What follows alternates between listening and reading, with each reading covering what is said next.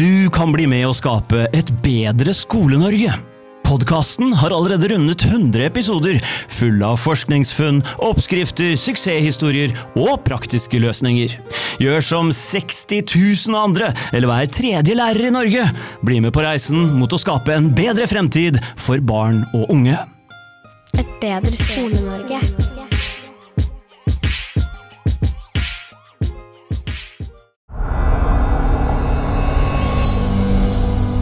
Bedre Skole-Norge. Skole-Norge. Velkommen til Et bedre Skole-Norge. I dag så skal vi snakke med Espen Ester Pirelli Benestad, og jeg gleder meg masse. Forrige uke snakka vi med Anne Kalvik, og hun eh, hadde en del eh, påstander. Og nå skal absolutt Espen Ester Pirelli Benestad få lov til å svare på noe av det. Bli med i dagens episode. Et bedre Skole-Norge. Skole-Norge. Ok, da er vi i gang. Bare så det er sagt, så Anne Kalvig hadde jo en del påstander sist, og da er det jo sånn at det er vanlig å gi tilsvarsrett. Det er jo litt omdiskutert med podkast om det er tilsvarsrett eller ikke, men eh, jeg følte jeg måtte det, så jeg har tilbudt det til, til både Human-Etisk Forbund, for vi sa jo at eh, det så ut som de kristne begynte å argumentere for vitenskap med vitenskap, mens Human-Etisk Forbund ikke gjorde det så mye lenger, mente Anne Kalvik. Og jeg har forespurt de om tilsvar, men de har ikke respondert. Og så var det også noen påstander til Skeiv Ungdom, og det her eh, Ja, en eller annen eh, lobbymanual. Jeg har forelagt påstandene til dem og ikke fått noe svar, da. Men Espen Ester Pirelli Benstad, du har svart, og det er veldig kult at du blir med, så det er jeg kjempeglad for. Velkommen hit, da. Takk skal du ha. Du er jo eh, på en måte pensjonist nå, eller professor emerit. Er det ikke det det heter eh, akkurat for deg? Det heter det akkurat for meg. Jeg tror foreløpig ikke det heter noe, det samme for noen andre. Jeg har tatt kjønnssendingen, men, men før så het det dekanus og dekana, og nå heter det bare dekan, slik at det er vel bare litt bitte grann forut for min tid. Mm, ja, absolutt. I forrige episode så henviste Anne Kalvik til noe som heter evnukk-kjønnet. Så du har jo en video som ligger på NRK med syv kjønn.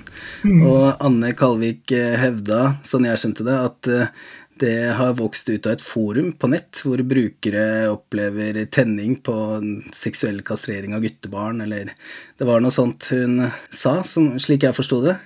Vil du svare på det her, på en måte? Hvor kommer det fra? Det var jo en forferdelig forståelse. Om et sånt nettsted finnes, så bør det jo eh, forbys med det samme.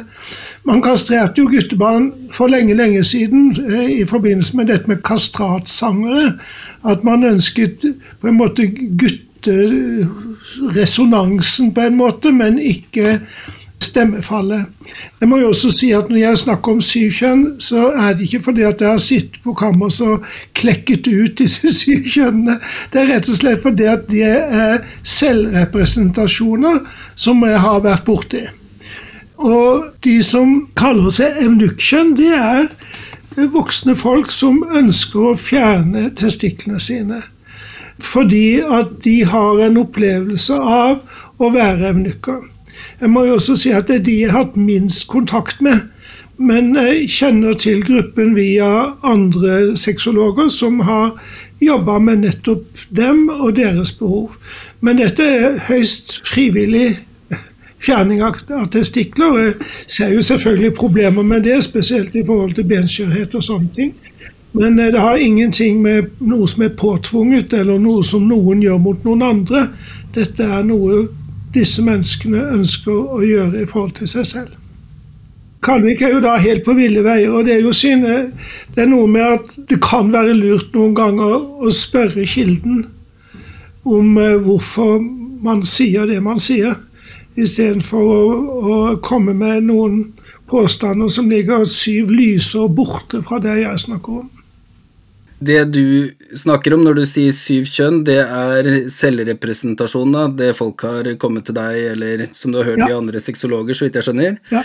Hvorfor er det viktig å presentere til og med evnukkkjønn for barn, eller sånn ungdommer og sånn? Det kan du si. Vi kan jo alltid reflektere over alle de tingene vi presenterer barn for. Det være seg via Dagsrevyen eller ukepresse eller ting som ligger på stuebordet, eller hva det nå måtte være.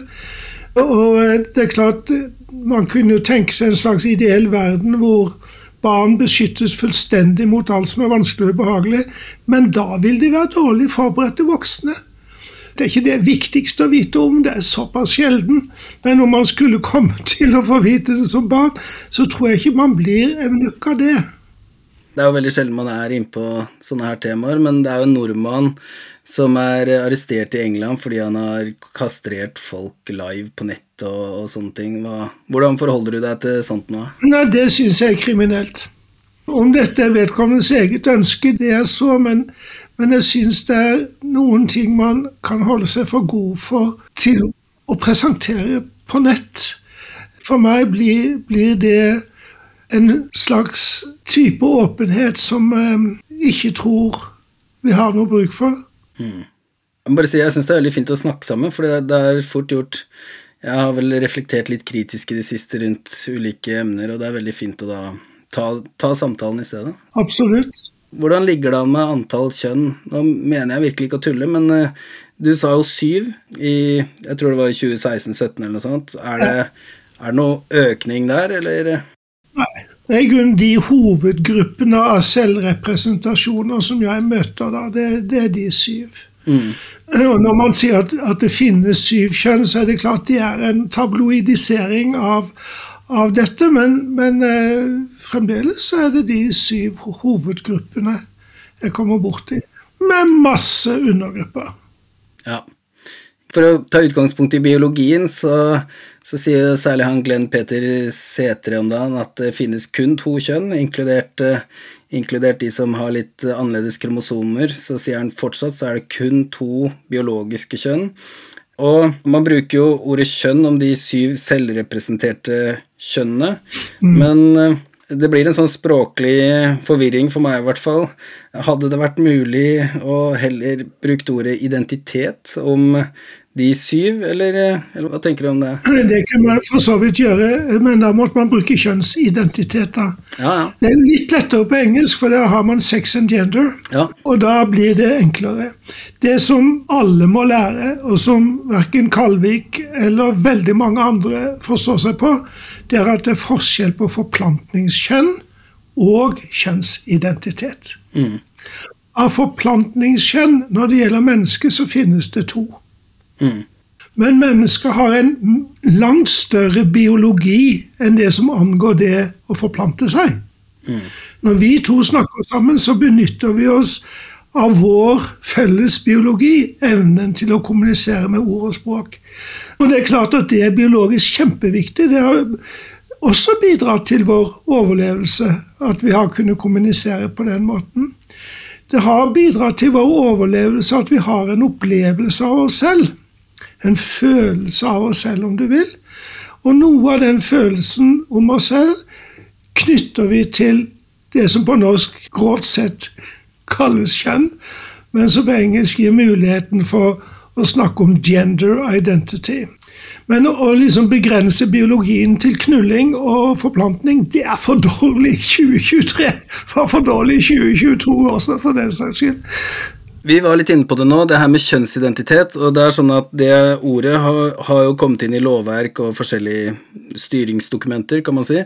Det er litt uklart for noen, for det, vanligvis er det en slags objektiv virkelighet som gjengis i lovtekster og sånt, mens der er det et begrep som refererer mer til personens følelse.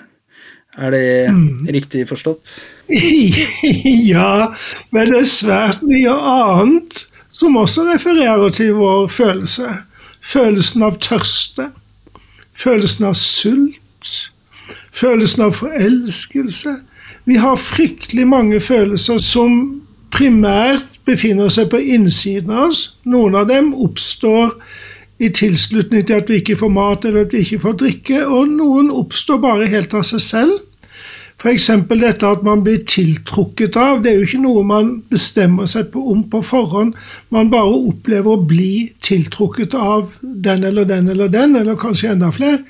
Det samme gjelder denne opplevelsen av eget kjønn, som jo også oppstår helt uh, uprovosert, for å si det på den måten. Og den har ingen annen mulig kilde enn vår biologi. Man har jo trodd at dette dreide seg om dominerende mødre og fraværende fedre. Jeg vet ikke hva man har foreslått.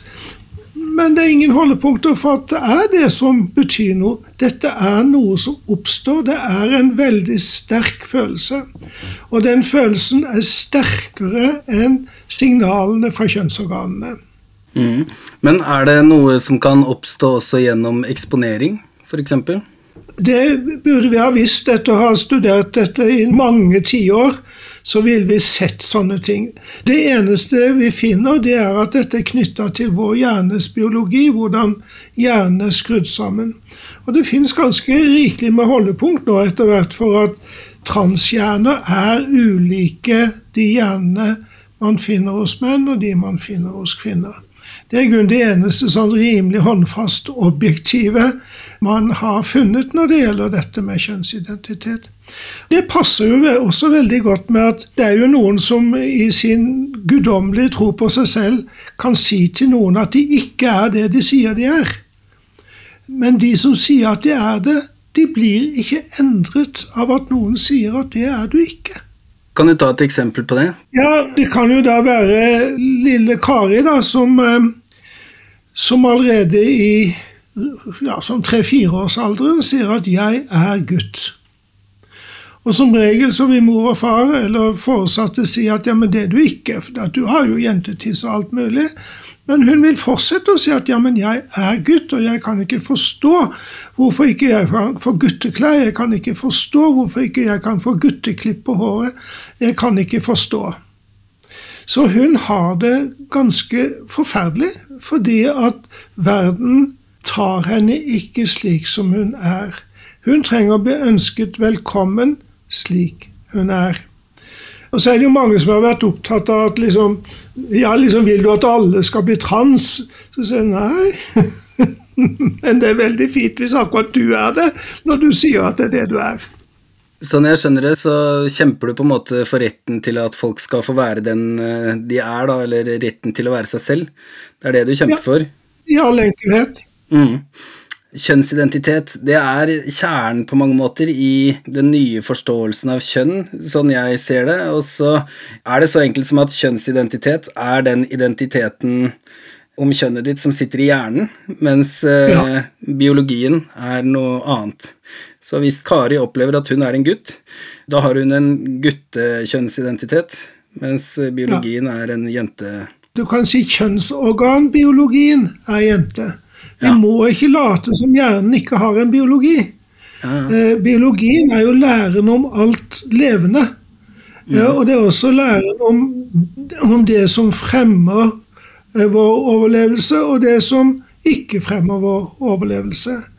Og alle disse tingene har fremmet vår overlevelse. Sannsynligvis også kjønnsidentiteten. Ikke ut ifra darwinistiske prinsipper, men mer ut ifra at vår art til enhver tid kanskje har hatt behov for noen som krysser over kjønnsmajoritetsgrensene. Hvorfor eh, er det bra for overlevelse, eller sånn? Fordi at det bringer inn nye perspektiver. Mm. Vi kjenner jo til at i den store, uhyre mangfoldige biologiske verden, så er det der hvor det er mangfold, er det også størst grad av overlevelse.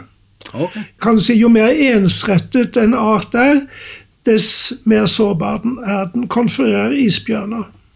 Okay. Når det kommer til kjønn og kjønnsidentitet, finnes det en grense mellom det normale og det abnorme, eller skal man uh, bare Hva skal jeg si? Ja, finnes det en grense? For det første så, så, blir det alltid feil å snakke om normalitet. Fordi at normalitet er bare basert på noe som heter en Gaus-kurve. Og, og, da ligger 95% under den hovedklokka i Gauskurven, uansett hva du på en måte spør om, det være seg blod, blodprosent eller for den saks skyld evnen til å løpe fort. Så vi må bevege oss bort ifra normalt, abnormalt, men vi må si at, at eh, normativt så er vi vant til at det bare finnes kvinner og menn. Det er på en måte normen. Og det passer greit inn under en sånn 95 %-klokke. Men det er altså 5 av oss som befinner oss utenfor den normen. Og det kunne vi godt normere, akkurat som Gaus eller normalitetstenkningen gjør det. at Den tar jo inn de 2,5 prosentene på begge sider, til sammen fem. Uten å si at de er feil, men det bare er ikke samsvar med majoriteten. Så vi lever på en måte i tenkningen vår litt i majoritetens diktatur. Og Kalvik og andre de gir jo seg selv den guddommelige rett til å fortelle andre hvem de er. Jeg syns det er ganske, ganske ille. Mm. Kalvik får også få muligheten til tilsvar i neste episode igjen, hvis hun ønsker det. så...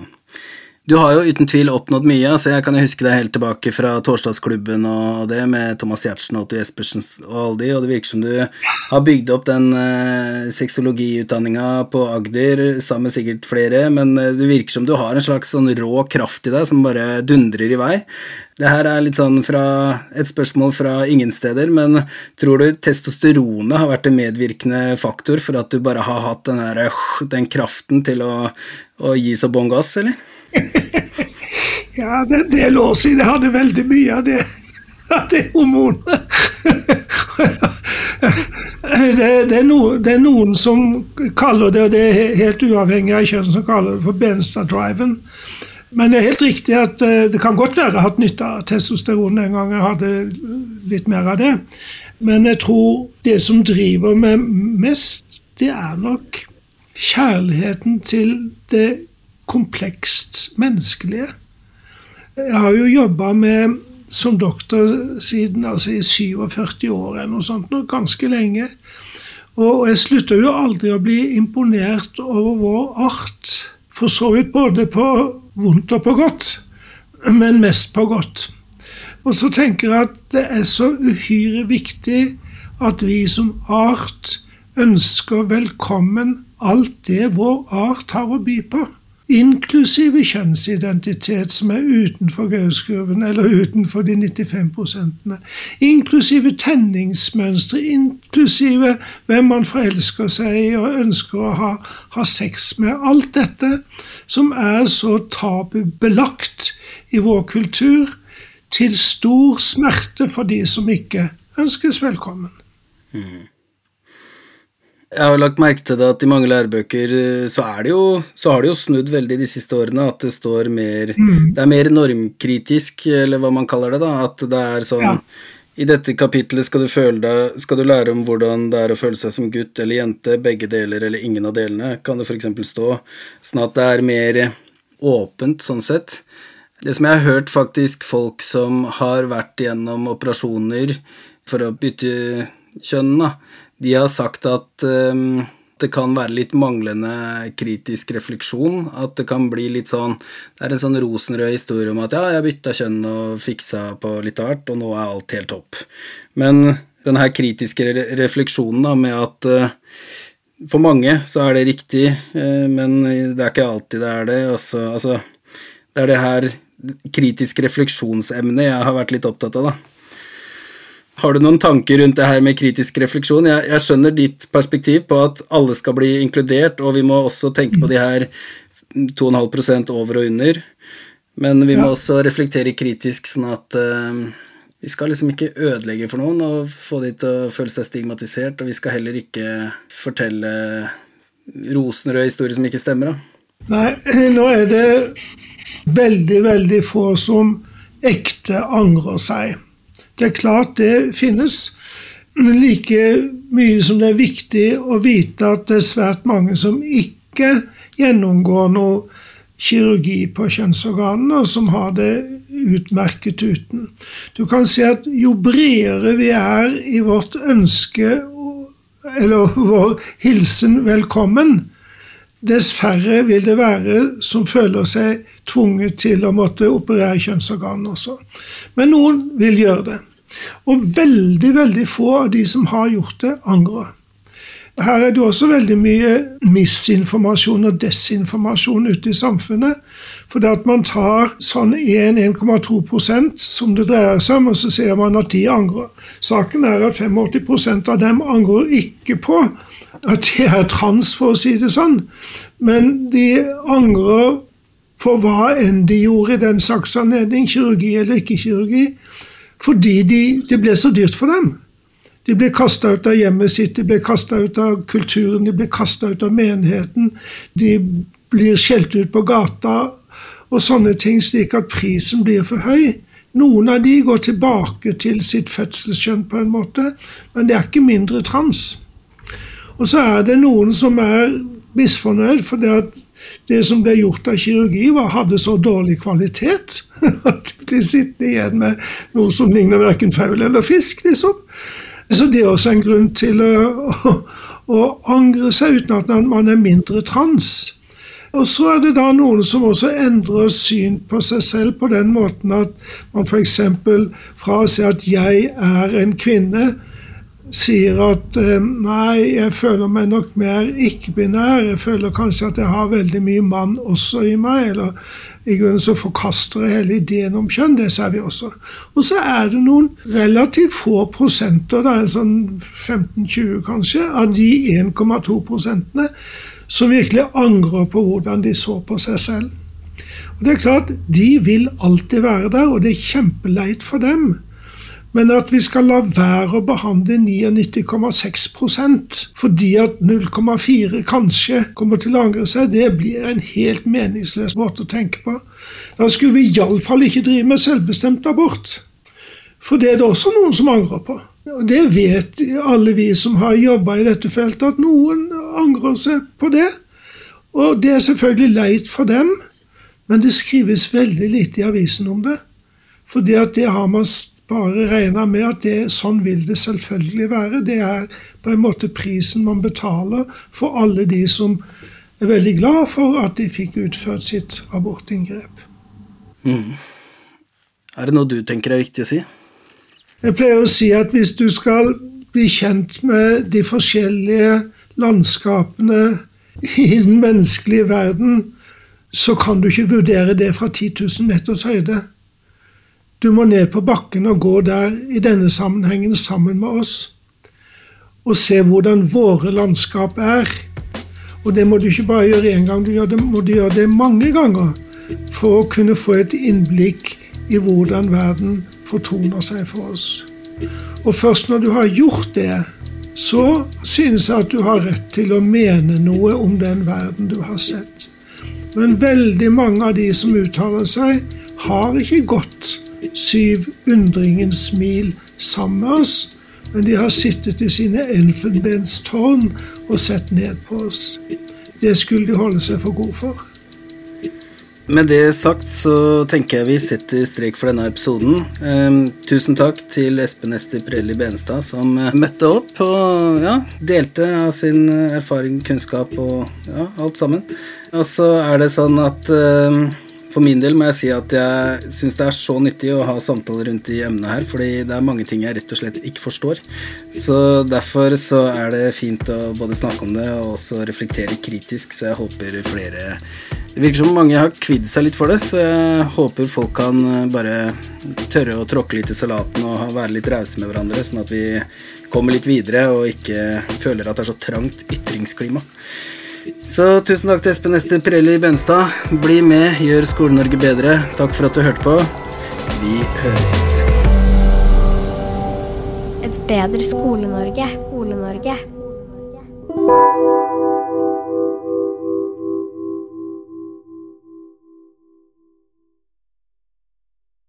Her kommer tilsvar fra Anne Kalvik. Her sier Benestad om et sånt nettsted finnes, så bør det forbys med det samme.